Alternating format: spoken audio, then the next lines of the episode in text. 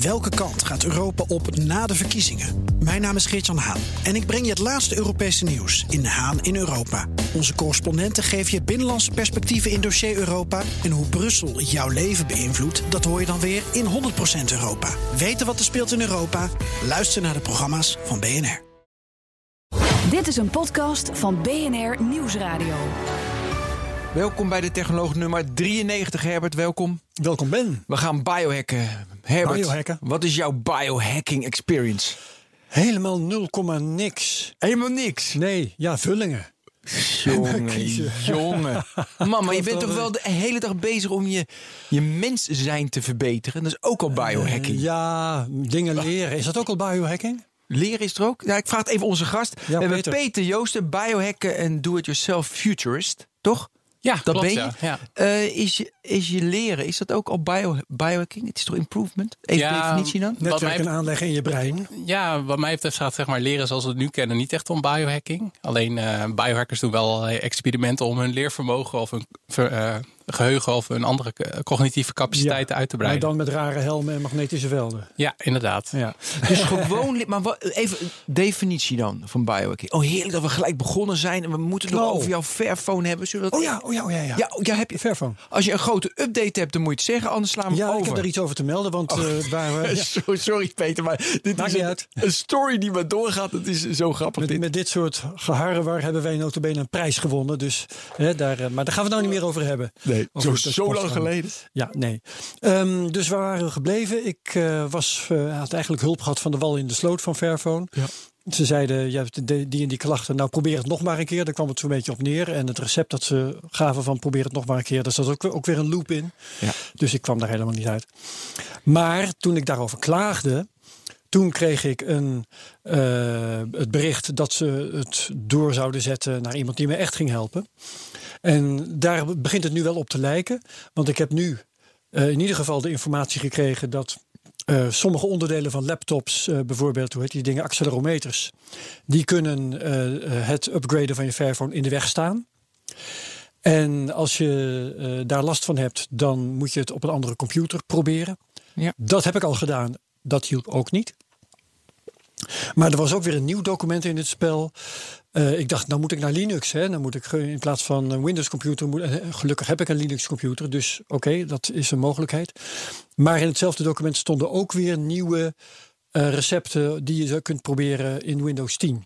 Dus ik heb nu nog een aantal sporen die je kan gaan volgen. Dat is de status op dit moment. Ja. Ik kan een aantal sporen volgen op Windows 7, op Windows 10 en op Linux. Ja. Nou, eh, daar kunnen we weer een paar weken mee, mee vooruit. Maar Herbert, even voor mijn begrip. Je wil een Google-vrije telefoon, Fairphone, een ja. En dit, daar betaal je 527 euro voor? 530. ja. 500, nou, zat er 3 euro naast, 530 euro. voor. En al dit gedoe, ik zou al lang afgehaakt zijn. Maar ja, dat is natuurlijk mijn persoonlijkheids... eh, Ja, ik, ik dat moet steek er per week niet zo heel veel tijd in. Dat valt wel mee. Eh, Maar het is een experiment voor je. Het is, Het is een meer leren, Ik het leuk en ik kan erover vertellen. ja, dus wat maakt het ja. Het is, het is spannend en als het lukt, dan ben ik toch heel blij dat Nou, ik het geprobeerd heb. En wat interessant is, we gaan er ook we ja daarom, want daar heb je er heel veel van geleerd. Wat interessant is, is dat die service natuurlijk altijd weer zo slecht is. Ja, en ik ben wel geneigd om Fairphone wat dat betreft heel veel te vergeven. Ja, Omdat omdat het Fairphone is, ja, maar Hè, als het toch? Microsoft was of zo, dan deed ik een stuk vervelender. Maar het is eh, ik, vooral die eerste stap, waar ik over vertelde hè, dat ik hulp vroeg en Ja. het ook goed had gedocumenteerd wat ik had gedaan. En dat ze met niks beters kwamen dan doe het allemaal nog maar een keer. Mhm. Dat was onnadenkend en slordig en ehm, gemakzuchtig. Ja, dus, ja, dat, dat moet niet. En de rest eh, denk ik dat eh, best wel goed zal gaan. Top. Sorry Peter dat we dit even tussendoor, maar dit is een beetje een continue story. En dan, ga, story, en dan gaan we nog, eh, dat zal ook nog wat tien jaar duren voordat die Fairphone werkt zoals Herbert het wil. oh, wat flauw. Ik kan langer naar Fairphone 3 toe. Ja. Ja. Even maar over dat biohacking, dus het leren, dus dat ik mezelf, dat ik opschrijf wat wa- hoe ik leer en wat ik, ik dat is niet biohacken. Nou ja, biohacking wordt tegenwoordig voor een heleboel dingen gebruikt. daarom. Dus even definitie. Ja, voor mij is biohacking het verbeteren van het menselijk lichaam door middel van biologie, technologie en persoonlijke experimenten. En andere definities van biohacking die ook wel eens voorbij hoort komen, is bijvoorbeeld het klooien aan het lichaam. Dus met de instelling van een hacker dan naar de menselijke biologie kijken. Ja. Maar voor mij is het, gaat het, draait het wel om zelfoptimalisatie. Dus je zou, als je een heel brede definitie hebt, zou je inderdaad het op, opschrijven van hoe jij leert en hoe je dat Ja? kan verbeteren, wel kunnen beschouwen als een soort vorm van biohacking. En aan de hele andere kant van het spectrum heb je mensen die nadenken over hoe ze hun hersenen kunnen aanpassen om hun leervermogen nog verder uit te kunnen Ja, brengen. daar komen we, komen we zeker pillen, bij. Hè? Want dat eh, valt er vast ook onder. Ja. eh, al die, eh, ik weet de naam de slimme pillen, de maar- nootropics heb je inderdaad. Ja, ja, maar die ja. kan ik nu al online bestellen en, en, en dan word ik slimmer. Ja, je, je, ja, je hebt inderdaad een, eh, je hebt verschillende supplementen voor je gezondheid of voor je spierkracht of voor andere dingen. Maar een bepaalde categorie heet ook zogenaamde nootropics. En die worden gebruikt, of eh, smart, smart drugs of slimme pillen, Ja, breinpillen. En die worden gebruikt, die kun je gebruiken om bijvoorbeeld eh, ja, om je denkvermogen te, te vergroten of je geheugen te verbeteren. Dus een heleboel discussie over of het nou werkt of dat het placebo is. Ik maar heb dat ik in de jaren negentig heb ik het wel eens geprobeerd, hè? wist je dat? Wat? Eh, pillen, ik weet niet meer wat de namen waren. Eh, Maar- ja. En, maar ik heb dus twee, twee verschillende medicamenten heb ik geslikt in de jaren negentig. En eh, ik kreeg er alleen maar buikpijn van. Nou, je merkt wel aan je dat je dat geslikt hebt. ik moet dat ook Hoe weet jij dat nou? Ja, dat hoor ik als ik met je praat. Nee, maar goed, dus je jou, wat ik had het ook moeten slikken. Ja, niet gedaan. Je Eh, moet zo slim als ik ben, dat nee, kan helemaal niet zonder medicijnen. nou, dan- hoe kan dat dan? Nee, maar nu serieus. Maar dat is toch gewoon, eh, weet je, ecstasy, dat, dat is tegen depressiviteit, las ik van de week. Dat zijn, dus in welke, dus het zijn- gewone medicijnen die op patiënten worden. Wat is dan specifiek daaraan? Nou, wat dat- doet het in mijn brein? Ja, ehm, je hebt eigenlijk ook verschillende, net als je verschillende type supplementen hebt, eh, heb je ook verschillende type nootropics. Dus er zijn bepaalde nootropics, hele simpele. Ze hebben bijvoorbeeld een combinatie van cafeïne en L-theanine. Dat zit ook in groene thee. Dus daarmee kun je, zeg maar, als je niet goed tegen koffie kan, omdat je een beetje die, ja, dat edgy gevoel hebt, kun je dan zo'n type nootropic slikken om je wel, zeg maar, die boost te geven van die cafeïne, maar tegelijk die, die rust van die L-theanine. En dat is, zeg maar, één voorbeeld. Dus daar heb je ook weer een hele ja, heel scala aan eh, diverse mogelijkheden in. Ja, maar Herbert, als dit dus echt zo is, hè, dan slikt toch de hele wereld direct die pillen? Ja, maar eh, ik geloof dat Peter net ook al zei in een bijzin van, van sommige dingen weet je helemaal niet zeker of het werkt. Je, je zei toen vervolgens, ik slik ze zelf wel. Ja. Maar niet iedereen is het erover eens dat ze werken. Nee, klopt. Er is ook wel veel kritiek op, met name uit de wetenschappelijke kring, of het nou echt werkt en of Ja. er nou echt heel veel eh, eh, marketing omheen zit. Ehm, maar ik meen te merken dat het bij mij in ieder geval wel werkt. En wat Eh, merk je dan? Ehm, voor mij merk ik dat ik wat sneller toegang heb tot mijn korte termijn geheugen en dat ik vaak wat beter uit mijn woorden kom. Dus ik slik vaak een pilletje voordat ik een eh, pilletje. Voordat je een interview Ja, gaat doen. Ja, voordat ik een interview ga doen of voordat ik een lezing ga geven. En eh, nou ja, dus misschien is het in- inmiddels een soort van bijgeloof. Ja, maar, placebo natuurlijk. ja, maar aan de andere kant van het spectrum vind ik wel ook heel interessant als we het zeg maar over farma, farma, farmacie hebben. Dat eh, noemen we net al ecstasy, dat er ook op een andere manier wordt gekeken bijvoorbeeld naar bepaalde psychedelische middelen. En dat het in de Verenigde Staten nu bepaalde Ja. trajecten worden ingezet om dat te helpen tegen PTSD en dat soort eh, aandoeningen. Ja. En, Maar als je nu gewoon naar PubMed, dat is die, eh, dat is die weten waar alle medisch wetenschappelijke artikelen op komen. En je zoekt naar de middelen die jij slikt. Wat komt daar dan uit? Of ga ik dan te veel, eh, moet ik meer geloven en die wetenschap moet ik even in dit onderwerp moet ik even achterwege laten? ja, dat kan hè? Ja, nee, maar naar, mijn, naar mijn weten is er volgens mij op type supplementen niet dat onderzoek gedaan, maar wel op bepaalde onderdelen. Dus zoals dat L-theanine en Bacopa en Manori. Dat zijn allemaal specifieke onderdelen die dan in die nootropics slikken. En daar is wel onderzoek naar gedaan. Ehm, ja, en die, die fabrikanten die, die maken dan mixen en eh, recepten om dat voor specifieke doeleinden dan te maken. Ja. We gaan naar mijn idee al veel te Ja. ver, maar ja, daar kwam ik op. Ik wil eerst gewoon ook nog over dat tracking hebben. De, weet je Tracking? Wat, nou, het tracking van jezelf om Oh ja. zeg maar, te verbeteren. Want voor heel veel mensen is dat dus al biohacking. Ja. Dus je schrijft 's morgens op, ik heb zo geslapen en eh, ik heb veel gelezen, weinig gelezen, waardoor je een grafiek maakt van, hé, hey, als ik dit doe, dan gebeurt er dat. En dan word je, nou ja, dan leer je bewuster, dan word je slimmer. Ja, ja, voor mij is dat. eh, ik maak eigenlijk onderscheid binnen biohacking binnen een aantal ja, thema's, om het zo maar te zeggen. En een daarvan is self-tracking, wat ik dan noem. En misschien hebben mensen ook wel eens eh, zelf dragen ze een Fitbit of een sporthorloge. En dat is ook waar het eigenlijk voor mij mee begon, een paar jaar geleden. Dus toen was ik nog helemaal niet bezig met biohacking, had ik nog nooit van de term gehoord. Maar wat ik al heel erg leuk vond, was, was niet alleen sporten. Nou, volgens mij kan jij daar ook over meepraten dat dat leuk is. Ja, maar Herbert ook hoor. En Herbert ook inderdaad. Zeker. Ehm, maar wat ik er leuk aan vond, is dat dat je, ehm, nou, toen kwamen die sporthorloges een beetje op en toen kwamen ook al die apps op, zoals uh, Runkeeper, Strava, whatever. Noem ze allemaal maar op. En dat je dan niet alleen kon sporten, maar ook na afloop zeg maar je hartslag en je, en je, vermogen en dat soort dingen kon zien. En dat was voor mij de trigger om hiermee aan de slag te gaan. En ja, ik zeg wel, biohacking gaat dan echt om het verbeteren of optimaliseren. Maar je hebt wel self-tracking nodig om inderdaad te weten van wat is de huidige stand van zaken. Dus stel je voor dat je onder de paraplu-term biohacking je eh, harder wil gaan hardlopen. Dan moet je natuurlijk wel weten wat je hoe, hard, hoe hard je nu gaat over 5 of 10 kilometer. en dan kun je een nulmeting doen. Precies. En daar heb je dus die self-tracking voor nodig. En dan kun je allerlei experimenten doen op jezelf om te kijken hoe je daarin kan verbeteren. Precies. Dan kun je eh, ook inderdaad nagaan of er verbetering is geweest. Ja, precies. Zoals je dat ook zou doen met uh, nou ja, training zonder, zonder uh, rare toestanden. Eh, waar zit daar, wat zijn de voor- en nadelen van dat self-tracking? Ik heb natuurlijk zelf een, dat heb ik heel veel gedaan, dus ik heb er vrij veel ervaring mee. Ik wil het van jou horen, want mijn verhaal is veel minder interessant. Nou ja, de, eigenlijk, als we het hebben over self-tracking, heb ik in de afgelopen jaren een heleboel experimenten gedaan. Dus ik heb daar ook een blogartikel over geschreven. Van ik ga nou een maand ga ik geen koffie drinken en kijken wat het effect bijvoorbeeld is op mijn slaap. Of een maand lang geen alcohol drinken. Of, uh, Vasten heb je ook gewoon vast, dus een beetje mode. Ook bij die eh, tech nerds in San Francisco. Ja, ja, ja. ja, ja. Dat vind ik wel een interessante vorm van biohacking trouwens. Dat je dingen gaat weglaten ja. in plaats van dingen toevoegen. Ja, ja, absoluut. Het is zeg maar het, uh, daarom is dat persoonlijke experiment ook. Vaak als mensen de term biohacking horen, denken ze gelijk aan, cyborgs en een mix Daar van. komen we nog op hoor. Maar, maar eerst gaan we gewoon. Eerst, ja. ja. Ja, maar een belangrijk onderdeel, inderdaad, wat Herbert ook zegt, is dingen weglaten. Dus op een gegeven moment uh, intermittent fasting bijvoorbeeld. Dat is een bepaalde vorm waarin je eigenlijk kort gezegd een tijd niet eet. En als persoonlijk experiment. Het is vijf dagen,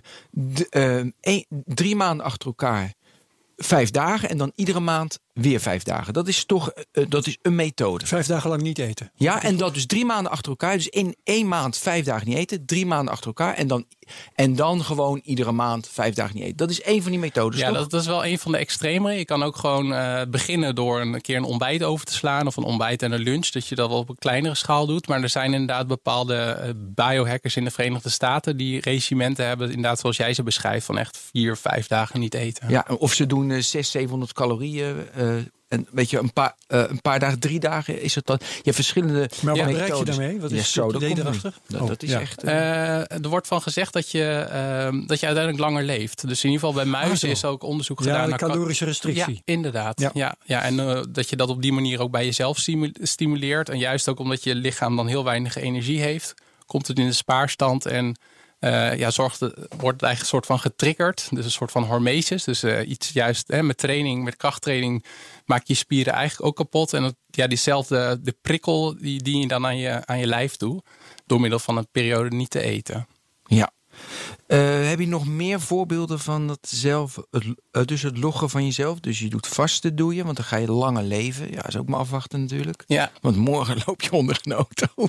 Oh, moet je niet lachen, maar. Nee, je moet niet lachen, maar dat zou zo heb je al je vast en ja, afgezien. Ja. Maar zonder dat vasten was je misschien vandaag al wel onder de Ja, auto daarom, dus dat weet je niet. Ja. Maar dat live logging, heb, heb je nog meer voorbeelden die je doet? Ja, uh, twee belangrijkste wat mij betreft uh, zijn het meten van mijn uh, slaapkwaliteit. Uh, daarvoor heb ik een slinge, slimme ring. Die, uh, dus, er zitten bepaalde versnellingssensoren in. Dus die mijn beweging meten, maar ook mijn hartslag en ook mijn lichaamstemperatuur. En aan de hand daarvan zit een, berekent een slim algoritme mijn slaapkwaliteit scoren op een schaal van 0 tot met 100. En een andere belangrijke score. Ja, ik wil daarop ingaan alsjeblieft. Ja. Oké, okay, dat weet je dan. Mm -hmm. En dan? Nou, dan ga ik kijken van um, wat heb ik gisteravond gedaan. Um, wat kan, van invloed kan zijn op mijn score. Dus ben ik, uh, heb, heb ik bijvoorbeeld uh, tot laat achter mijn computer gewerkt. Of ja, heb ik uh, borrel gedronken. Op, op een borrel gedronken of koffie gedronken. Of, um, of heb ik bepaalde supplementen wel of niet geslikt. Dus op Ja. die manier kan ik een beetje ja, tweaken en, en, en triggeren. En een beetje experimenteren om die score omhoog te krijgen. En als die score nu gewoon altijd 100% is. Soms 98, 99, maar pff, hij is goed. Je bent die topsporter op slaapgebied. Je bent de absolute slaap, topslaper. Wat dan? Mission accomplished. Dus dan, dan, dan ga ik door naar een, naar een ander domein, denk ik. Ja, maar dan wil ik ook wel weten, heb je manieren gevonden om jouw slaap structureel te verbeteren? Nou ja, een aantal, een aantal tips. Uh, bijvoorbeeld wat ik heb gedaan is dat ik, uh, ik heb hem nu niet op, maar dat ik een speciale bril heb die uh, blauw licht tegenhoudt. Dus blauw licht verstoort ook de aan, aanmaak van melatonine, de hormoon wat belangrijk is op het moment dat je in slaap wil komen. wat ik ook doe is eigenlijk na twee uur s middags geen koffie meer drinken. Ehm, geen alcohol, in ieder geval twee uur voor het slapen gaan. En, uh, Geen rood vlees s'avonds, want, want dan moet je darmen heel hard werken. Bij mij uh, rood vlees kwam er niet echt uit. in de, oh. bij mij in ieder geval. Nou, dat, ja, precies bij mij dat kan per, per, persoon verschillen natuurlijk. Ja, en wat voor mij echt een groot verschil was, ik was altijd heel erg van uh, non-fictie. Ook voor het slapen gaan, gewoon kennis, kennis, kennis. En ik lees nu gewoon normale fictie. Fictie? Nou, en dat, dat, ja, ik weet niet, dan val ik, of dat weet ik niet, dat weet ik. Dan val ik sneller door in slaap en is mijn slaapkwaliteit ook beter. Mag ik even een filosofische vraag tussen we wordt tussendoor stellen. Je hebt allemaal kennis, je houdt van kennis, Herbert ook. Maar stel je nu voor, beide heren, dat je alles al weet. Dus je hoeft geen kennis, want je weet alles al. Wat doe je dan? Muziek maken. Jij? Als ik alles weet? Je weet alles. Je hoeft niet met mensen te praten. Je weet, want je weet alles al. Ja. Ik denk dat ik wat meer uh, uh, van de natuur zou genieten. Het eerste wat bij me opkomt. Ja. ja. ja.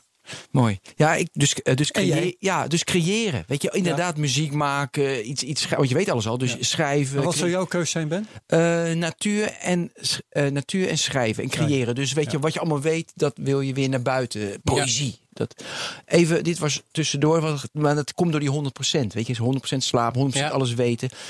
Uh, heb je slaap voldoende? Dan gaan we naar de volgende live logging, uh, want je had er nog één. Ja, uh, eentje die voor mij wel veel betekent is hartritme variabiliteit. Het is een hele mond, mond vol. maar dat is een indicatie van je stressniveau. En dat gaat eigenlijk om, vroeger dacht ik in ieder geval dat je hartslag met een regelmaat, als je hartslag 60 beats per minute is, dat je hartslag dan om de seconde slaat, je hart om de seconde slaat.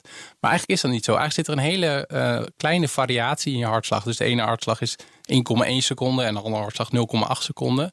En die variabiliteit in de hartslag is eigenlijk een indicator van hoe goed je autonome zenuwstelsel functioneert. Dus je wil eigenlijk een zo hoog mogelijke score daarop hebben. En s ochtends uh, bekijk ik die meting. En dat is... Uh, hoe zit dat in je Apple Watch? Nee, uh, ja, in, ja, in, de, in, in, serie 3 wel volgens mij. Maar, ja, hij maar zit in de nieuw, een van de nieuwste. Ja, ik weet zit... niet welke naam Apple daarvoor heeft gegeven. iets, maar ja, het is inderdaad een. in, de, in de derde zit het volgens mij wel. Maar, hoe, maar hoe meet jij het?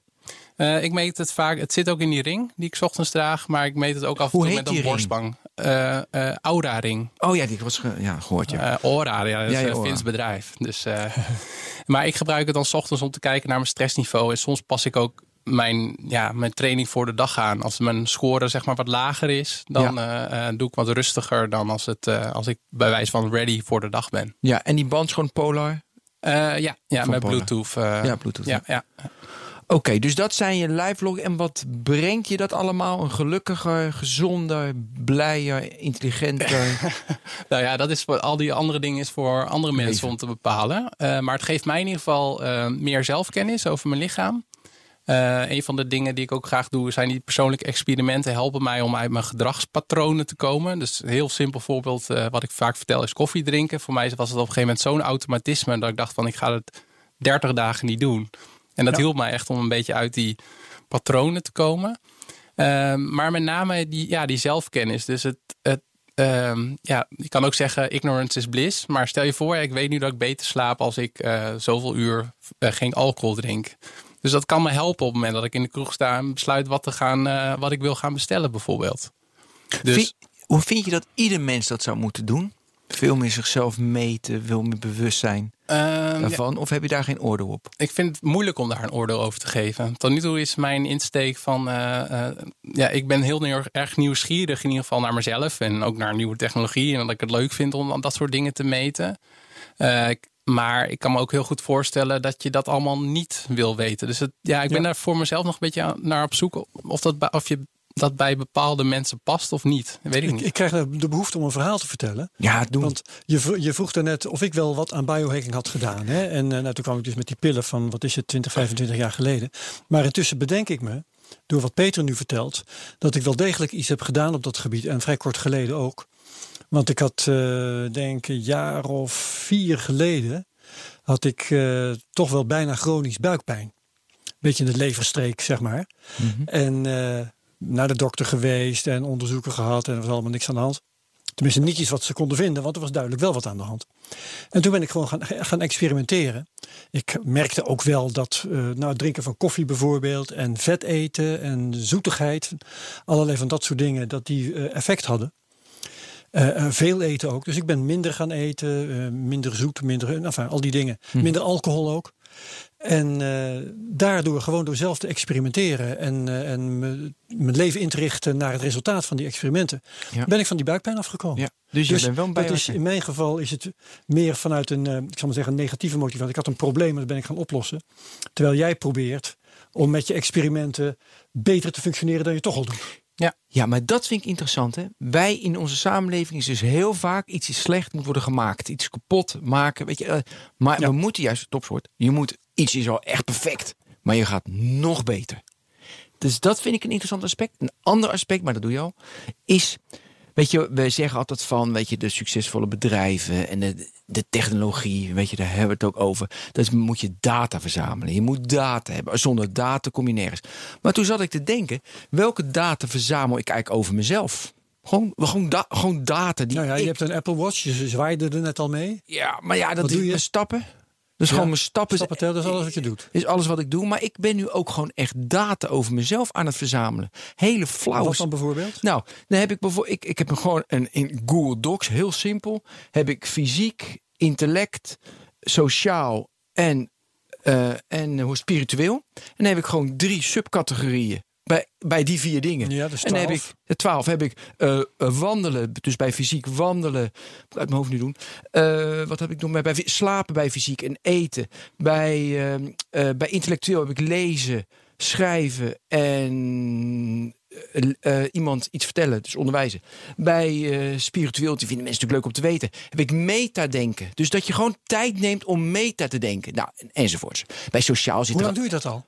Uh, doe ik nu een maand. Want ik dacht, ik moet meten. Nog. Ja, ik moet meten, dacht Ja. ik. Ja, maar ik, Ja. ben je inspireert me, Peter. Ja. Dus ik dacht, ik moet. Wat ik dan doe, doe ik heel simpel. Getal 1 tot en met 5. Meer niet, hè? Getal- En is vandaag op relationeel, op relationeel niveau ben, het was een drama. Het was een 1. relationeel scoor ik daar ook heel slecht. Dus je, al die twaalf categorieën, elke dag Iedere één dag cijfer. één cijfer. Dus Meer niet. 1 en 5. En dan heb ik hele mooie grafietjes. Waar, dat weet je wel. Waar je dus slecht in bent. Waar je minder aandacht aan hoeft te besteden. Weet je, wandelen is voor mij altijd makkelijk. En, en, en doordat ik daar nu bewust van word. Denk ik van, oh, daar moet ik aan werken. Daar moet ik wat aan doen. Nou, dat is eigenlijk ook biohacking. Maar dan in die live logging. Dus, Ja. maar ik, ik doe het vooral omdat ik vind. We moeten meer datapunten hebben. En ik wil natuurlijk ook, daar gaan we weer verder. Straks gewoon een, een pil of iets hebben in mijn lichaam. Dat er meer data uit mij komt. Ah, Maar goed, dat doen we pas bij de human enhancement. We gaan Ja. eerst naar Ja, de human performance improvement. Mag ik nog even een tussendoor vraag Ja? stellen aan Peter? Want ehm, toen het daarnet ging over ehm, wat biohacking is, toen mompelde jij iets over. eh, er waren dingen die sommige mensen eh, eh, biohacking noemden, maar jij niet. En dat heb ik niet helemaal goed geregistreerd. Wat, noem, noem eens iets wat, wat sommige mensen ehm, als biohacking beschouwen, maar wat er volgens jou niet bij, bij hoort. Kennen jullie Bulletproof Coffee? Nee. Nee. dat is. eh, Slecht dat ik iets eh, weet. nou ja, kijk, kijk ehm, ehm, biohacking dat begon al in 1988 in een artikel in de Washington Post. En dat ging eigenlijk over de zogenaamde do-it-yourself biology. Dus dat je in staat bent in een laboratorium om daar zelf eh, testen te doen met biotechnologie. Nou, toen is een tijdje eigenlijk niks gebeurd eh, op dit gebied. Totdat een paar jaar geleden de eh, Amerikaanse ondernemer Dave Asprey die eh, is eigenaar van het eh, eh, bedrijf Bulletproof. En hij kwam met de zogenaamde Bulletproof Coffee. Want hij had ontdekt, hij was in Nepal en toen zag hij bepaalde bergvolkeren. Die dronken thee en daar deden ze boter bij. En dat was zeg maar hun ontbijtdrank. Ja. En toen dacht hij, hé, hey, dat is wel interessant. En toen is hij naar Amerika gegaan, heeft hij daarover nagedacht, is het verhaal dan. En hij dacht van, nou, thee en boter, prima. Maar nog slimmer is koffie met boter. Dus bulletproof koffie is dat je koffie zet. En daar doe je dan eh, boter bij en MCT-olie. Dat is een extract van kokosolie. En dat doe je dan in een blender en dat ga je dan 's ochtends opdrinken. Dat is dan je ontbijtdrank. En de, ehm, de veronderstelling daarbij is ook van... omdat je weinig koolhydraten en vetten tot je, eh, eiwitten tot je neemt 's ochtends... eigenlijk alleen maar vetten en cafeïne... blijft je lichaam in de staat van ketose. Dus dat is eigenlijk een staat van vetverbranding. En juist ook door die combinatie van die vetten en die cafeïne, komt die cafeïne ook sneller in je, in je brein.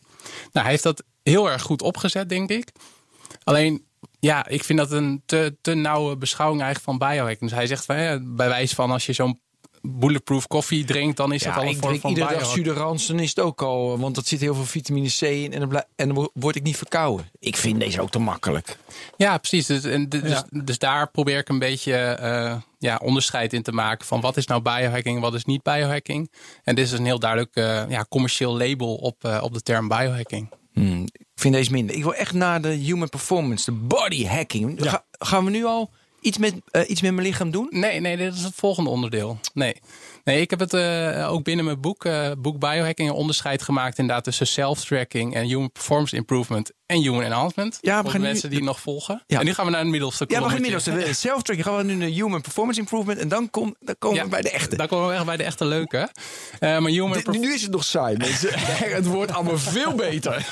human performance improvement eh, lijkt wel een beetje op dat self-tracking. Het gaat over eh, methoden en manieren die op dit moment beschikbaar zijn om je, ja, je lichaam of je geest eigenlijk te verbeteren. Nou, als we het hebben over body hacking, is een bekend voorbeeld bijvoorbeeld de Wim Hof methode. Dus dat Oh, heeft, de Iceman. ja, dat is de Iceman. Dus dat je door middel van koude, eh, koud douchen of een koud bad of een ijsbad. Of je hebt ook tegenwoordig cabines waar je drie minuten in zit. En dat je lichaam echt een koude boost eh, krijgt. Dat je dat soort dingen doet eigenlijk om je, nou in dit geval je gezondheid eh, te verbeteren. Maar als we het hebben over mindhacking, eigenlijk een ander on- onderdeel. Ja. Dan vallen daar ook dingen onder zoals de nootropics die we hebben, net hebben genoemd. Of de TCDS. En dat is een opmerking die Herbert in het begin maakte. En dat is dat er eh, wordt, gamers doen daar veel mee, maar bijvoorbeeld ook het Amerikaanse leger is daarmee aan het testen. Dat je een, een, eh, soort van eh, helm opzet en dan wordt er zwakstroom over je hersenen gestuurd. Daarmee wordt gezegd dat je ook beter, sneller nauwkeurigheid hebt en sneller kan reageren. Waar staat TCDS ook weer voor? Transcranial eh, Current Direct Stimulation. Oké. Ja, ja, ja, ja, ja. Ja. Ja. Dus, dus echt gewoon, je, je hersenen worden onder stroom gezet. Hè? Je hersenen worden ja, onder stroom gezet. Ik heb ja. het een keer ondergaan. Dat was een hele merkwaardige ervaring. Ja, dus dat zijn allemaal, eh ja, omvat eigenlijk allemaal methoden die nu commercieel zeg maar beschikbaar zijn. Of zou je van het ijszwemmen zou je kunnen zeggen van nou ja, dat is niet commercieel beschikbaar, maar dat zou je gewoon zelf kunnen doen. Eh, waarmee je kan proberen dus om je lichaam te verbeteren of je geest te verbeteren. En eh, er is ook een, een Ja. niche. Nee, ja, ga, ga maar. Nee, ik wil je niet onderbreken, want ik kom zo. Nou, een hele bij- bijzondere niche vind ik eigenlijk de consciousness hacking. Dus er wordt, dat is een soort van substroming. Die zegt van Silicon Valley die doet eigenlijk van alles om onze aandacht af te leiden. En kunnen we niet technologie inzetten om ons nou, spiritueler, bewuster te Ja, maken? De Calm Technology eh, Movement, dat soort... eh, Eh calm technology, maar wat daar ook onder valt, is zijn dan biohackers die hier in, in dit domein experimenteren met psychedelica of die dat soort thee. Er was een collega van mij naar Peru gegaan en oh, het schijnt helemaal hip te zijn. Eh, dan gaan ze thee drinken of zo en dan kom je in een andere staat. Dat weet je vast wel. Nou, ik denk, misschien doel je op ayahuasca. Ja, die ja. Inderdaad, eh, een psychedelisch Dat, middel. Dat, Herbert, dat moeten we Ja, ik, noemen. ik wou net zeggen, is LSD slikken ook consciousness hacking? Ja. Maar dat zal dan wel. Ehm, ja, wat mij betreft wel. Maar sommige mensen eh, kunnen daar ook te ver in gaan. Dus Zeker. ehm, een bekend voorbeeld is eh, Aaron Trawick. Dat is een Amerikaan die eh, een paar maanden geleden is overleden. Heeft ook heel veel oproer veroorzaakt eigenlijk in de, in de biohacking scene, om het zo maar te zeggen. Ja. Want hij ging als experiment ging hij in een floating tank. Dus dat is een tank waarin je ehm, ja, het gevoel hebt of je in de ruimte zweeft. En dan had hij dan ook van tevoren ketamine genomen. Eh, volgens mij als een soort van eh, consciousness hacking experiment. Dus hoe kan hij proberen om zijn spiritualiteit te vergroten? Mhm. Ja, ik heb bij de, jouw Human Performance Improvement. Kijk, dat self-tracking is allemaal. Weet je, dat kan geen kwaad. Het is leuk om te doen. Haha, een getalletje, een beetje data verzamelen. Maar bij die tweede heb ik heel erg. Wat doet de medische wereld? Want het zijn toch gewoon medische onderzoeken. Het werkt wel. Weet je, ook met, eh, met de Iceman. Weet je, het is toch ook gewoon medisch onderzoek dat er wel iets in zit. Universiteit Nijmegen. Ja. Dus ik ik, dan, dan zou ik meer weten, ja, wat, wat zegt de wetenschap ervan? Ja. Of moet ik, is biohacking echt iets aparts en eh, daar mo- moet ik niet te veel mee bemoeien met de? Eh, allebei. Dus ik vind inderdaad van eh, de, de, medische of de wetenschap in algemene zin doet steeds meer onderzoek naar nou, de werking van dat, eh van dat zwakstroom op de hersenen. Of inderdaad de werking van de Wim Hof methode. Maar aan de andere kant heb je een beetje edgy technieken, zoals die nootropics, waarbij het eigenlijk de vraag is van werkt het wel of werkt het niet. En voor mij is het heel belangrijk daarin van nou, probeer het ook op jezelf uit. En als Ja. het enig, enigszins kan met die tracking dingen om te kijken of wat voor effect het heeft. Ehm, maar ja, da- daar zit inderdaad een heel scala aan van redelijk goed onderbouwd tot eh, iets eh dodgier, zeg maar. F- mo- dus moeten we al naar de laatste jaar, want ik vind deze niet zo interessant. Nou, is goed. Ik wil Ja. even deze podcast onderbreken eh, Oh. voor een dienstmededeling. Wat ga je doen, Herbert? Nou, ik heb mijn stuk teruggevonden eh, eh, van eh, het eh, slikken van smart drugs. Oh ja. Het is verschenen in NRC Handelsblad 18 juli 1992, dus 26 jaar Ja. geleden.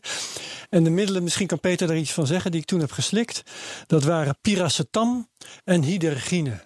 De tweede ken ik niet, maar met de eerste, ik wist niet dat de, de al zo oud waren. Maar dat wordt zeker in de Verenigde Staten is dat een heel veel gebruikte eh nootropic, om het zo maar te Nog zeggen. steeds. Ja, nog steeds. Ja, Ja. ja. Ja. En dat deed ik onder leiding van John Morgenthaler. Is die nog beroemd? Leeft hij Eh, nog? die ken ik niet. Nee. Oké, er was toen een Amerikaan die woonde in Amsterdam. En die, eh, ja, die propageerde dit soort middelen. En die heeft mij toen ook gewoon eh, cadeau gedaan om, om te proberen. ja.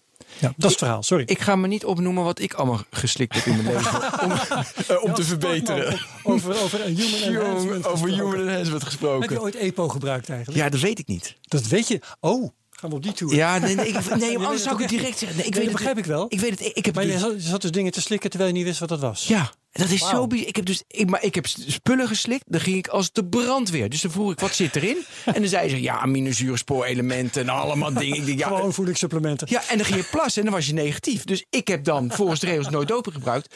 Maar er zit natuurlijk zoveel. Maar het is zo interessant, jongens. Want je hebt natuurlijk de witte lijst, je hebt Ja. de zwarte lijst en je hebt de grijze lijst. Nou. En grijze lijst, blind pakken ze natuurlijk alles. Oh, het is zo'n interessant Als onderwerp. het maar niet verboden is. Ah, maar goed, maar we Ja. zijn nu over biohacking. Maar sport is dat ook. Ja, zeker. Maar Ja. voordat ik naar de derde wil, wat eigenlijk de meest, ja, weet je, human enhancement met, techno- weet je, met technologie, wil ik eerst nog weten, hoe komt het toch dat eh, vanuit Silicon Valley, techmensen, zo met biohacking, dat het echt een onderwerp is. Ook de psychedelische middelen die ze nemen.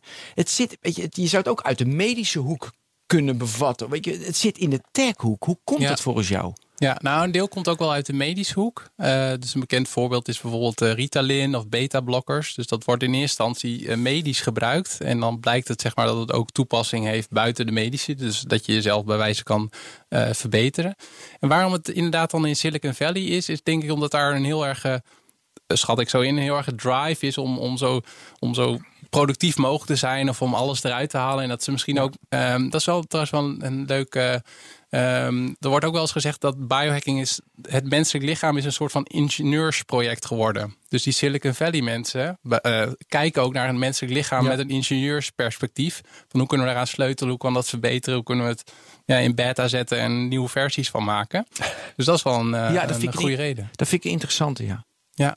En dan denk je van, weet je, verbeteren en we houden het op. Maar voor, voor mij is verbeteren ook dat je gewoon socialer wordt, relationeel beter, meer rust neemt. Ik bedoel, Ja. Het is niet altijd maar weer meer. En, eh, het kan ook gewoon Ja, niet rustiger zijn. Nog, niet, niet nog meer stressen en Nee, eh, dus doe dat- produceren of zo. Dat hoeft namelijk helemaal niet, want dat is ook, het zou ook een verbetering kunnen zijn. Ja. Mooi. Oké, zullen we naar de human enhancement gaan? Ja. Magneetjes implanteren. Ja. Dat werk. Do-it-yourself grinding. Ja. Wat is dat? Ja, dat is eigenlijk de, de leukste categorie. Ehm, Oh, die dat, moeten we bewaren dan. Die gaan we dan niet doen. Nee, doe maar.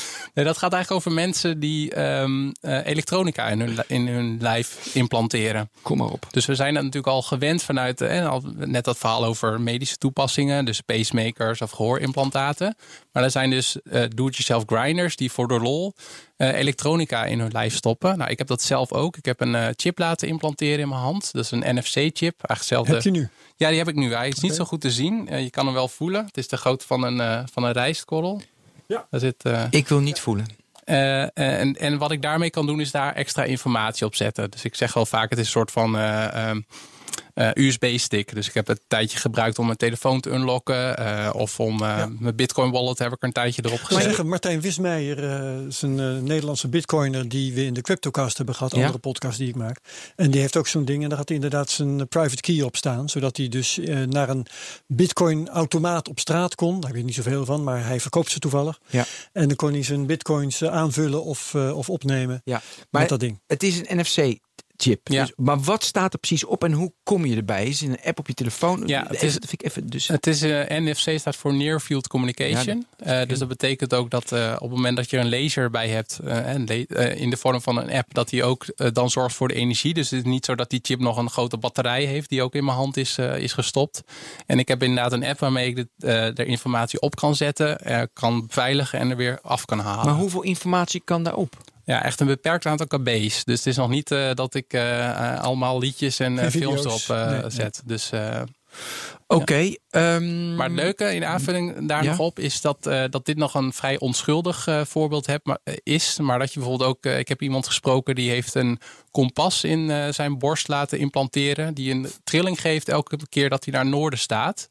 Dus hij heeft als daar een extra zintuig erbij gekregen, ook een vorm van biohacking. En ja, hij zegt dat het echt voor hem een hele nieuwe beleving van, van de ruimte geeft. Doordat hij zo'n do-it-yourself grinding Ja. apparaat in zichzelf Ja, heeft je kunt je inge- oriënteren geïmplementeerd. Ja. Ja, ik had eh, vorige maand mocht ik bij die lezing van die jongen zijn die kleurenblind Neil is. Harbinson. Ja, Neil Harbinson. Oh, ja. met die antenne. Ja, het, het was toch, het was goed hoor. Ja. Het, het was toch heel goed. De- oh ja, en voor de mensen Het die is het ook niet heel weten. potsierlijk met zo'n Het is eh, potsierlijk, maar, ehm. Eh, dus hij is kleurenblind en, hij wil, en kleuren dat is geluid. En dus nu heeft hij een, eh, kan hij geluid opvangen en dan kan hij kleuren zien. Maar dat wordt vervormd in geluid. Dan heeft hij een antenne op zijn hoofd.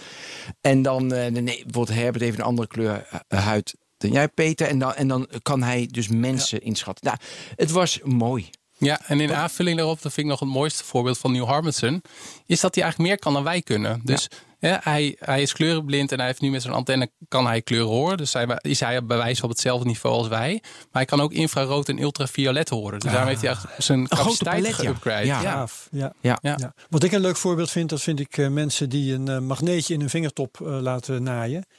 Eh, en die kunnen dan door met hun vinger langs de muur te gaan, kunnen ze daar de, hoe noem je dat, de, de Leidingen. stroomleidingen detecteren. Ja. En de stopcontacten natuurlijk, Ja. die kun je ook wel zien. Maar je hebt dan gewoon een zintuig voor elektrische velden. Ja.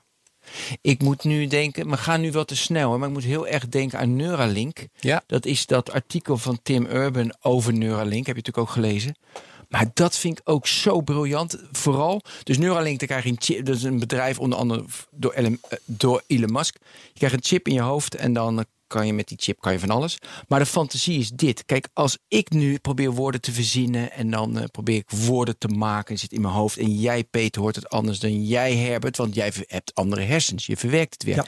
Zijn wij dus met die chip in mijn hoofd ben ik verbonden met Peter. Dan hoef ik niks te zeggen. Dan ben ik in één keer verbonden. Dus mijn gedachten gaan in één keer. Dan zit er geen ruis tussen. Dus dit wat ik vertel bij alle luisteraars is allemaal ruis. Maar dan zijn wij in één keer verbonden. Mijn hersens en jouw eh, hersens, Herbert. Verbonden met de luisteraars. Ik vind die fantasie vind ik zo mooi dat communicatie ruis heeft. En we gaan steeds dicht eh, naar elkaar toe direct heel, te eh, communiceren. Heel fascinerend. Dat- ik, moet- ik moet nou denken aan ehm Siamese tweelingen. Die Ja. met de hoofden aan elkaar zijn Ja. gegroeid. Waarvan ook, soms ook wel is gebleken dat eh, wat de een denkt, dat de andere dat ook detecteert. Ja. Weet je wel, dat is eindeloos fascinerend. Dat kun je je helemaal niet voorstellen. Nee, dan gaan we dus heel ver. We moeten weer terug. En de vraag die ik aan jou heb: een eh RFID-chip, een, ehm, een magneet. Oké. En een kompas. Kleuren zien kan je al meer. En toen kwam ik op de vraag: is er nu echt een do-it-yourself implant?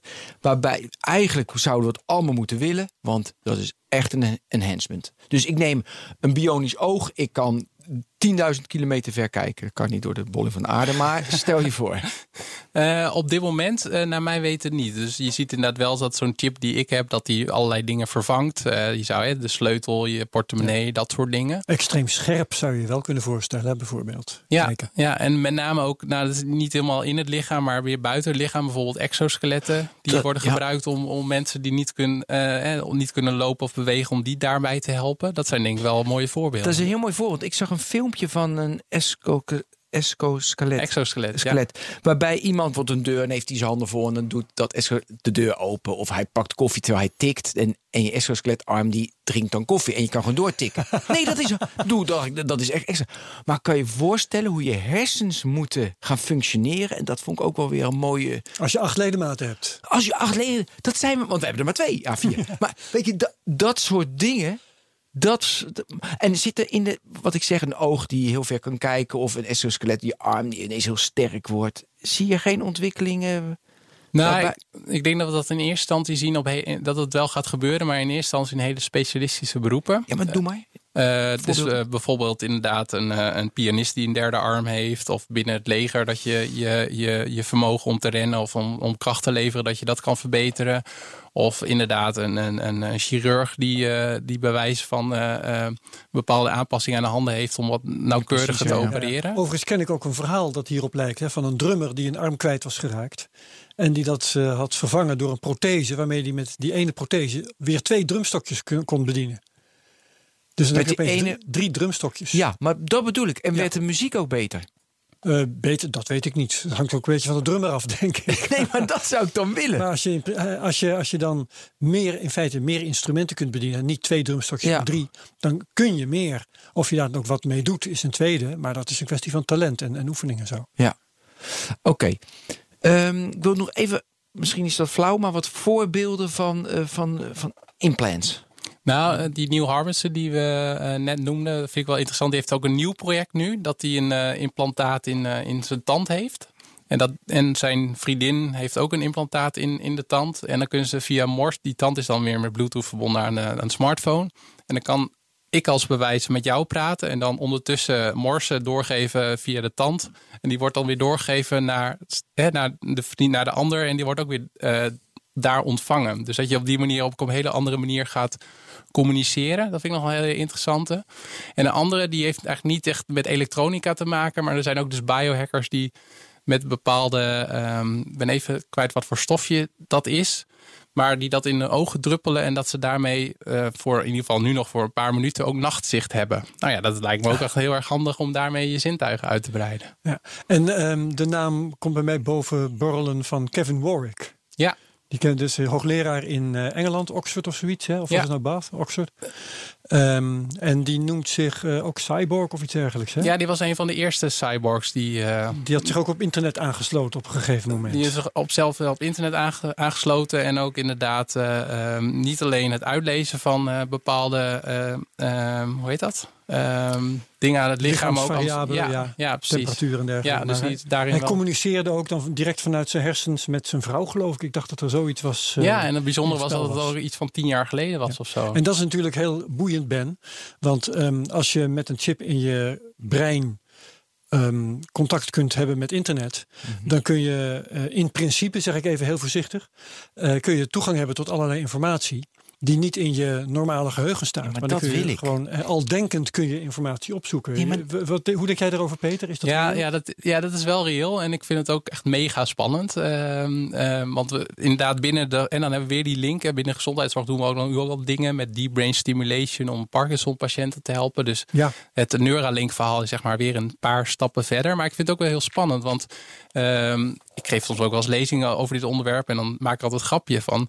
Ik sta hier nu een lezing te geven. En jullie kunnen nu, als we deze technologie hebben, nu op Wikipedia checken of het klopt wat ik zeg. Of als je mijn verhaal niet leuk vindt, gewoon nu naar Netflix om daar een film te kijken. Of dat je nu Ja. op Facebook zit, bij wijze Je van. weet al alles, snap je? Dus daar komt die vraag ook net vandaan. Ja, je weet hebt dan de, beschikking over alle. Wat wij trouwens. Hier, ik heb hier een laptop voor me staan. Jij weet. Ik weet niet of Oh, dat je een human enhancement is, maar via de laptop heb ik toegang. Maar het kan dus in principe ook Ja, vanuit je maar nu is het natuurlijk nog lastig, want dan moet je zoeken op Google en Google die allemaal algoritmen. maar die onderschat het niet, brengen daar wil ik ook wil. graag Peter over horen. Ja. Maar met een chip in je hersens en dan naar Wikipedia, dan moet je ook leren hoor, denk ik. Dat is een- ook een, een vaardigheid. Hoe moet je, moet je het zeggen? Dat is ook weer eigenlijk een ledemaat dat je moet leren bedienen, toch? Dan krijg je user experience eh, voor je hersenspecialisten voor naar. Wikipedia. Ja, dat zou, ja maar in, in, waar, je, waar we het ook met, dat hand, eh, met die extra handen over hadden. En wat jij nu zegt over toegang hebben tot die Wikipedia in je brein. Dat vraagt in, dat, daar ben ik ook wel een beetje naar op zoek. Dat vraagt ook wel iets van onze neuroplasticiteit. Dus hoe, Ja. hoe kunnen wij inderdaad onze hersenen daar ook op aanpassen? Uh, dus hoe dat allemaal precies werkt, weet ik niet. Want ik, ik ben ook wel benieuwd van als zo'n bedrijf toegang heeft tot, met een chip in mijn hoofd. Van uh, kunnen ze dan ook mijn gedachten lezen? Nou, ze zeggen nu van nee, dat gaan we niet doen. Maar ja, dat zal eerder in de historie van technologiebedrijven dat het toch gebeurt.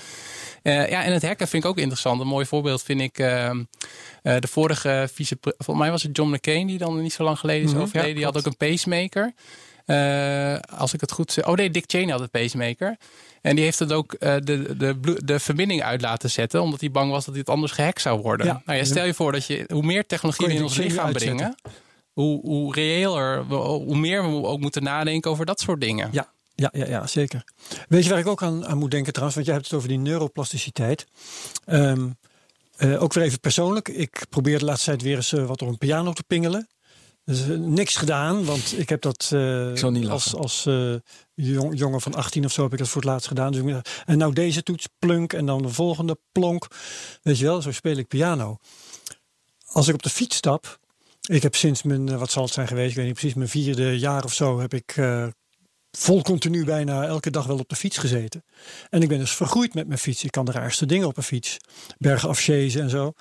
Um, dat doe ik automatisch. En wat je natuurlijk wil met uh, Wikipedia opzoeken vanuit je brein, dat je daar op een gegeven moment zo vaardig mee wordt dat je dat zo automatisch doet als de meeste Nederlanders fietsen. Dat het dus als het ware een extra ledemaat is geworden. Want die fiets, daar zijn we ook mee vergroeid. Ja. Niet fysiek, maar wel mentaal. Ja. Die bedienen we helemaal automatisch alsof het een extra onderdeel van je lijf is. Ja. En daarom is het interessant. Dus met de fiets ben je vergroeid. Is technologie buiten jezelf. We zijn vergroeid. Ja. Welk, weet je, in je lijf gaan we dus mee vergroeien. Wat gewoon gewoon een tweede, zoals je, uh, als je een pacemaker hebt. Weet je, daar ben je mee vergroeid. Nou, dat exoskelet, dat zou natuurlijk ook zo kunnen gaan werken. Dat je daar zo vertrouwd bent. Denk je niet, Peter? Dat, dat je dat, dat helemaal zonder nadenken bedient en gebruikt. Ja, ja denk het wel, ja. ja dat, uh, um, dat je ja, je hersenen daar zo aan gewend raken. Dat uh, eigenlijk het navigeren en het, de omgang daarmee, dat het heel erg, ja, dat het helemaal normaal wordt. ja. ja. Kunnen we naar het volgende hoofdstukje? Uh, nou, ik wil, want wat is het volgende hoofdstuk? Uh, dat is nog steeds in de categorie Human Enhancement. Gaan we naar Biotechnology, want Human oh, ja. Augmentation hebben we, Neurotechnology hebben we wel gehad. Dan heb ik eerst nog een andere. Ja. Uh, en dat is Edward Snowden. Dan denk je, huh? Gaaf, gewoon botte, botte zijwegen. Ja. Edward Snowden, die woont in Moskou. En daar Denk zit hij ongeveer ja. opgesloten. Want ja. als hij zich ergens anders vertoont, wordt hij door de Amerikanen opgepakt. maar hij geeft lezingen in de Verenigde Staten. Uh, dat wil zeggen, ik weet niet of je dat nu nog, maar ik denk het eigenlijk wel. Uh, maar ik heb video's uh, gezien waarbij hij dus in zijn kamertje in Moskou zit. Met een headset op en dat soort dingen meer. En ehm, hij is verbonden met een, hoe noemen ze dat weer, een telepresence robot.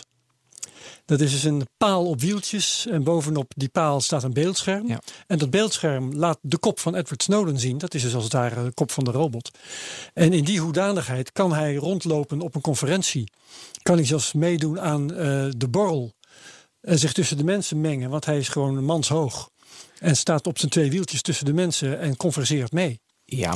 En mijn vraag aan Peter is: oh. is dat human enhancement of is het heel wat anders? Nee. Uh, in eerste instantie zou ik, zou ik denken van niet. Maar ik vind het interessante aan inderdaad van je, ben je kun je op meerdere locaties zijn. Ja, uh, uh, cognitief en mentaal. Um, maar binnen de definitie die ik heb van biohacking valt dat, zou dat niet onder vallen. Nee, maar ik denk veel meer, ze kunnen beter gewoon een hologram van hem maken. Dus, dat, dus hij staat in Moskou te presenteren. Ja, dan sta je op een podium. Maar nee, maar dan zie je de armbeweging en een hologram. Ja, ja, in Amerika, die doet dat lijkt Maar me die zo. robot kan gewoon mens onder de mensen zijn bijna. Ja, je kunt van ja, ik, ik, heb het ook gezien. Ik vond, ik, nou ja. vond het niks. Nou, nee, ik vond het echt stom. Oké, okay, we hebben in de categorie Human Enhancement hebben we ook neurotechnology hebben we gehad, want daar hebben we het heel veel over gehad. We gaan nu naar de categorie. Dus een onderdeel van de Human Enhancement is biotechnology, genetische modificatie. Ja, ja, ja, ja. Ja. Wat gaan we daarmee doen? Veel. Ja. een mooi, Bewijs. Het mooiste vind ik eigenlijk uh, Bill Gates. Uh, die werd een paar jaar geleden geïnterviewd voor Door Magazine Wired. En dan hebben we de vraag gesteld van... nou Bill, wat zou je jong doen als je nu jong zou zijn? En Bill zei... Nou, als ik nu jong zou zijn, zou ik niet ervoor kiezen om te hacken in computers. Dus niet in hardware of in software. Maar ik zou ervoor kiezen om te hacken in biologie. Ja, in de wetware. Ja, ja. En uh, ja, eigenlijk is DNA, is het, uh, de, de uh, 3 miljard basisparen, is eigenlijk de, besturingssysteem van het leven. Ja, maar Peter, daarmee kun je toch alleen de volgende generatie hacken, niet jezelf? Uh, nee, je kan ook wel jezelf. Dus dat is wel een interessant voorbeeld. Dus binnen, ik hoop dat het niet te diep gaat voor. Jawel, uh, diep moeten we gaan. Uh, als we het hebben inderdaad over dus geen bepaalde, zeg maar, allerlei processen in de, in de cel. Dus de bouw, de, het onderhoud en de afbraak. En dat heeft allemaal gevolgen. en het, daarbinnen heb je, als we het hebben over genetische modificatie, heb je ook zo, zogenaamde kiembaanmodificatie. En dat gaat er inderdaad dat je op embryo-schaal, dus voordat al die cellen gaan delen, dat je al wijzigingen doet. En dan nou, op het moment dat, dat dat organisme gaat groeien, dan. Heb je ineens drie oren. Ja, en dan zeker als je dat. Slimmer ben, slimmer. In, in, de, in, de, in de, kan doorgeven aan volgende generaties. Als je die wijzigingen ook al inbrengt, zeg maar, in, in, in, de, in de sperma en de eicel uh, um, DNA. Maar je hebt ook somatische uh, genetische modificatie. En daar worden nu ook al in ieder geval in het laboratorium onderzoek naar gedaan. Dus uh, patiënten die bijvoorbeeld uh, een, uh, een, een, een, aandoening hebben. Beenmerg en zo. Ja, precies. En dan wordt dan het bloed uit, uit de patiënt gehaald, een deel tenminste. En die, dat bloed wordt dan genetisch gemodificeerd, zodat ze dan wel juist die ja. bacteriën kunnen aanvallen en dan weer in de patiënt gestopt. Dan kies je voor sneldelende cellen en dan heb je er opeens heel veel. Nou, dat, dat soort. dus het, het um, en nog boeiender daarin, en dat is nog een speculatief is eigenlijk epigenetica. Dus je hebt het genetica dat allerlei processen, maar epigenetica is eigenlijk de laag bovenop genetica die de genexpressie bepaalt. En er zijn ook mensen die zeggen van juist in de toekomst gaan we juist epigenetisch programmeren. Dus we passen de basiscode niet aan, maar wel de mate waarin een gen al dan niet tot expressie komt. Ja, ja, ja. ja. En dan, dan uh, dat heeft in elk geval minder risico, denk ik. Ja, ja, en dat maakt ook. Want de foutjes planten zich dan ook niet voort. Nee, precies. En het, uh, uh, want binnen deze discussie wordt ook wel gepraat over gene drive bijvoorbeeld. Dus we kunnen inderdaad onszelf, dat biohacking, we kunnen onszelf bij wijze van genetisch modificeren. Uh, maar we kunnen ook, er wordt nu dezelfde Bill Gates heeft een keer gezegd van ja, we kunnen deze technologie ook inzetten tegen de, malaria. Want we kunnen dan in die, die muggen aanpassen zodat ze die malaria, dat malaria-virus niet kunnen doorgeven. Dus dat vind ik ook een hele interessante toepassing. Dat we niet alleen op ons als mens kunnen toepassen, maar op, op veel meer dingen met alle ethische en morale en dat soort dingen eromheen natuurlijk. Ja. Um, uh, kunnen we nu ook over CRISPR hebben? Want daar hebben we ja. nog nooit in de podcast over gehad. En dat vind ik toch een keer prettig. Ja. Eerst even uitleggen wat het is dan. Ja, CRISPR-Cas9, eigenlijk um, genetische modificatie doen we eigenlijk al jarenlang. Dus uh, als het gaat om het, uh, het, fokken van dieren of het telen van gewassen, dus ga probeer je zeg maar een bepaalde ja, uitkomst, fysiologische uitkomst te creëren. En ook genetische modificatie in het laboratorium um, doen we al vanaf uit mijn hoofd 1960 of zo. Dus dat we DNA, dat, dat, dat we dat hebben, dat was ook, is eigenlijk gewoon niet heel, heel lang bekend. Uh, maar uit mijn hoofd 2012 uh, is eigenlijk CRISPR-Cas9 ontdekt. Uh, en dat is een methode wat die bacteriën gebruiken om zichzelf te beschermen tegen virussen. Dus bacteriën en virussen zijn al langer op deze aarde dan wij zijn. En uh, nou, bacteriën die werden elke keer aangevallen door bepaalde virussen. Dus wat die bacteriën gingen doen, die gingen als het ware een soort van notebook bijhouden in hun DNA. Van hey, dat zijn de type virussen die, die ons aanvallen. Dus op het moment dat CRISPR houdt eigenlijk in van dat als ik zie van dat virus komt eraan, dan ga ik die aanvallen met. Uh, en dan herken ik die en kan ik die aanvallen. Dus CRISPR-Cas9 is eigenlijk een zoeker- en vernietiger systeem. En wat wel bijzonder is, is dat, uh, dat dat eerst werd gevonden door de onderzoekers uh, Doudna en Charpentier. Die dachten van, nou, dat is een beetje een eigenaardig procesje. En ook Nederlander, John van der Oost, was hier ook bij betrokken. En toen kwamen ze er eigenlijk achter van, hé, misschien kunnen we dat wel gaan programmeren. Ja, dus als we het hebben over biohacking is dat natuurlijk wel een mooi voorbeeld. Ja, dan ga je echt met code aan de slag. Dan kun je, ga je echt met code met de ACTG uh, basisparen aan de slag. En toen was het eerst nog uitzoeken van wat voor uh, enzym past daarbij.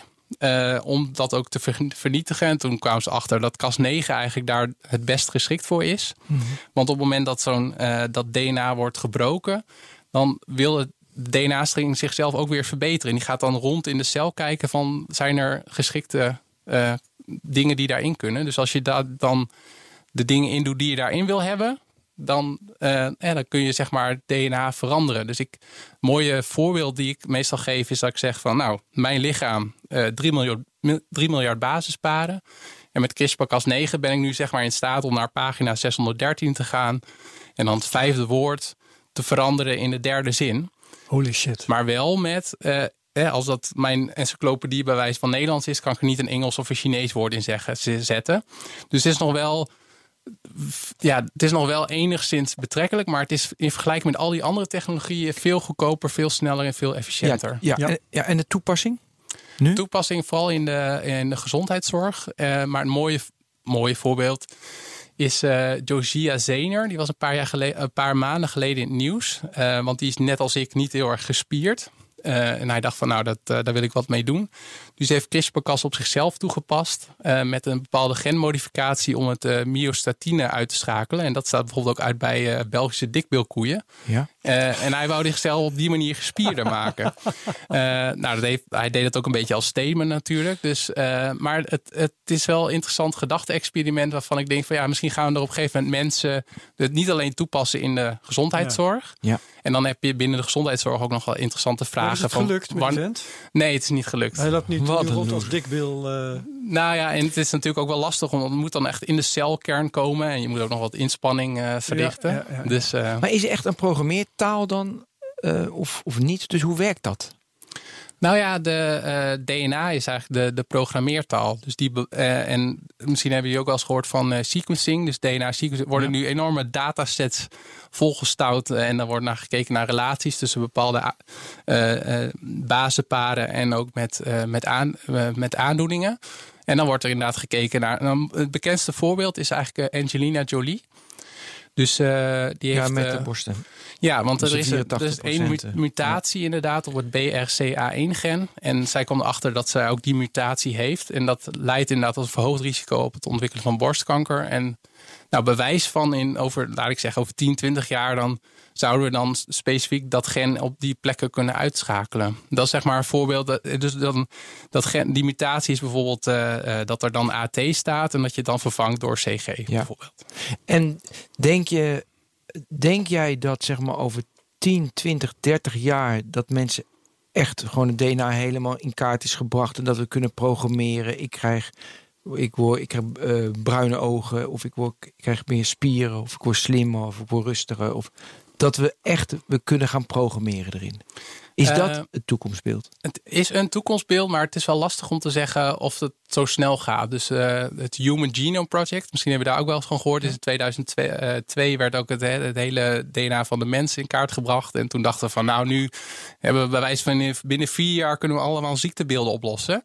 Uh, dus dat is nog niet zo makkelijk, want je hebt ook nog nature en nurture. Dus misschien heb jij wel hele slechte genen en ben je toch op hoog niveau heb je gesport omdat je een hele goede opvoeding had of al die, al die kansen kreeg in je, in je jeugd. en, en genen hebben ook onderling weer invloed op elkaar. Dus dat is nog wel een hele lastige discussie. Waarvan één kamp zegt, ja, met kunstmatige intelligentie kunnen we al dat soort dingen in kaart brengen. En we gaan ook steeds meer van ons huidige leven meten. Mm -hmm. En je betrekt het nou op sport, maar ook met intelligentie bijvoorbeeld. Hè. Mensen roepen dan, uh, deed ik net zelf ook hoor. Je maakt, uh, je maakt elkaar slimmer. Maar er zijn zoveel factoren die daarbij een rol spelen. De opvoeding inderdaad en de hele sociale omgeving. Ja. ja. Dat gaat zomaar niet. We, we moeten eigenlijk naar het, het laatste onderdeel van het laatste Um, van het laatste onderdeel. Nee, ja. oké. We zitten nog steeds bij human enhancement en dan zijn we nu beland bij transhumanisme, onsterfelijkheid en de supermens. Ja, onsterfelijkheid ben ik helemaal voor. Ja, dat nee, is. ben ik hartstikke op tegen. Ja, transhumanisme is meer een uh, ja, politiek, nou, laat ik zeggen, filosofische stroming. En dat hangt wel nauw tegen biohacking aan. En die transhumanisme wil ook voorbij het mens zijn. Dus uh, die zeggen eigenlijk, en Ray Kurzweil is een bekende voorloper eigenlijk We hadden afgesproken dat hij in deze technologie nooit genoemd zou worden. Oh, dan laat. neem ik mijn woorden terug. nee, uh, en maar die, die groep zegt eigenlijk van ja, we zijn nu in staat door technologische vooruitgang om de grenzen die de biologie ons heeft gegeven, of dat nou is met onze vaardigheden, dat derde hand bijvoorbeeld, mm -hmm. of in, inderdaad in ouderdom, om die te doorbreken. En, uh, en, dat we, en die zeggen eigenlijk ook dat we dat ook, omdat het kan, dat we het ook moeten doen. Ja. Nou ja, ik, moet, ik moet aan uh, de technoloog twee of drie keer geleden met Jeroen van der Hoven hadden we het natuurlijk over dat ethiek. Het, ja, ethiek. En dat was natuurlijk van. De, weet je, is het ethisch allemaal? En dan heb je inderdaad die stroming van recours. Wat denk van, nou ja, joh, het, dat maakt niet uit, want we worden transhuman. Ja, moraal. Waarom zou ik een oordeel zetten op dat ik ineens iets anders kan? Is het moraal verantwoord? Dat speelt bijna niet. Weet je, ze willen onsterfelijkheid, Ja. En wat ethisch verantwoordelijk is, dat maakt niet zo uit. Dat Ja. valt me op. Ja. Eh, de supermens, is die nog een... eh Nou, dat is. eh, we hebben het ook al heel veel over gehad, natuurlijk afgelopen uur. Maar Ja, maar dat, wat daar wel, en dat raakt wel een beetje over je opmerking over tiek, wat daar wel onder ligt, is van, nou, we hebben het gehad over al die dingen die je kan doen om je leven te verbeteren, of om echt de mens 2.0 te worden, als het ware. Maar willen we dat allemaal wel? En voor wie is dit allemaal straks beschikbaar? Dat is meer de, wat ik eh, eh, val onder de supermens. Van, eh, is het net in, is het dan was straks alleen voor de rijken en de welgestelden die daarmee nog Ja. een groter gat maken naar eigenlijk de rest van de samenleving? Ehm, er wordt ook gesproken binnen dit thema over moral enhancement. Dus kunnen we niet onze genen aanpassen om inderdaad intelligenter en slimmer en sneller te worden, maar kun je ook bepaalde genen in de bevolking aanzetten zodat je Empathische wordt. empathischer wordt. En Dus er zit zoveel. eh, en volgens mij komen we, zeg maar, als het gaat om biohacking en biotechnologie en überhaupt in technologie, steeds meer, steeds dichter bij een punt dat, het, dat, het, dat we de keuze moeten maken van, ja, het kan. Oké, moeten we het ook willen? En wanneer moeten we het willen? En voor wie moeten we het willen? En hoe moeten we dat doen? En eh, ja, dat vind ik echt mega interessant. ik, weet je wat oppopte? De boekdrukkunst. Het kan. En toen zeiden heel veel mensen, nou moeten we dit willen? Nee, moet je niet willen, want dan verleer je om dingen uit je hoofd te leren. Precies, dat moeten we helemaal niet willen. Daar mo- moest ik een beetje, een beetje aan denken.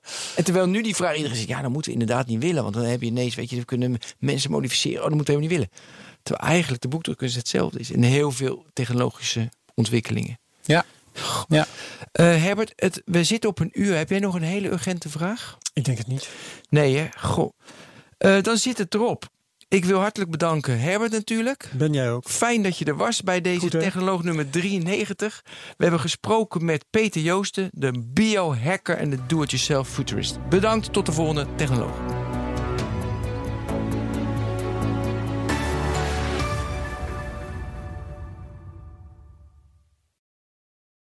Ook Thomas van Zeil vind je in de BNR-app. Je kunt live naar mij luisteren in Zaken doen, de BNR-app met breaking news, het laatste zakelijke nieuws en je vindt er alle BNR-podcasts, bijvoorbeeld Het Nieuwe Geld. Download nu de gratis BNR-app en blijf scherp.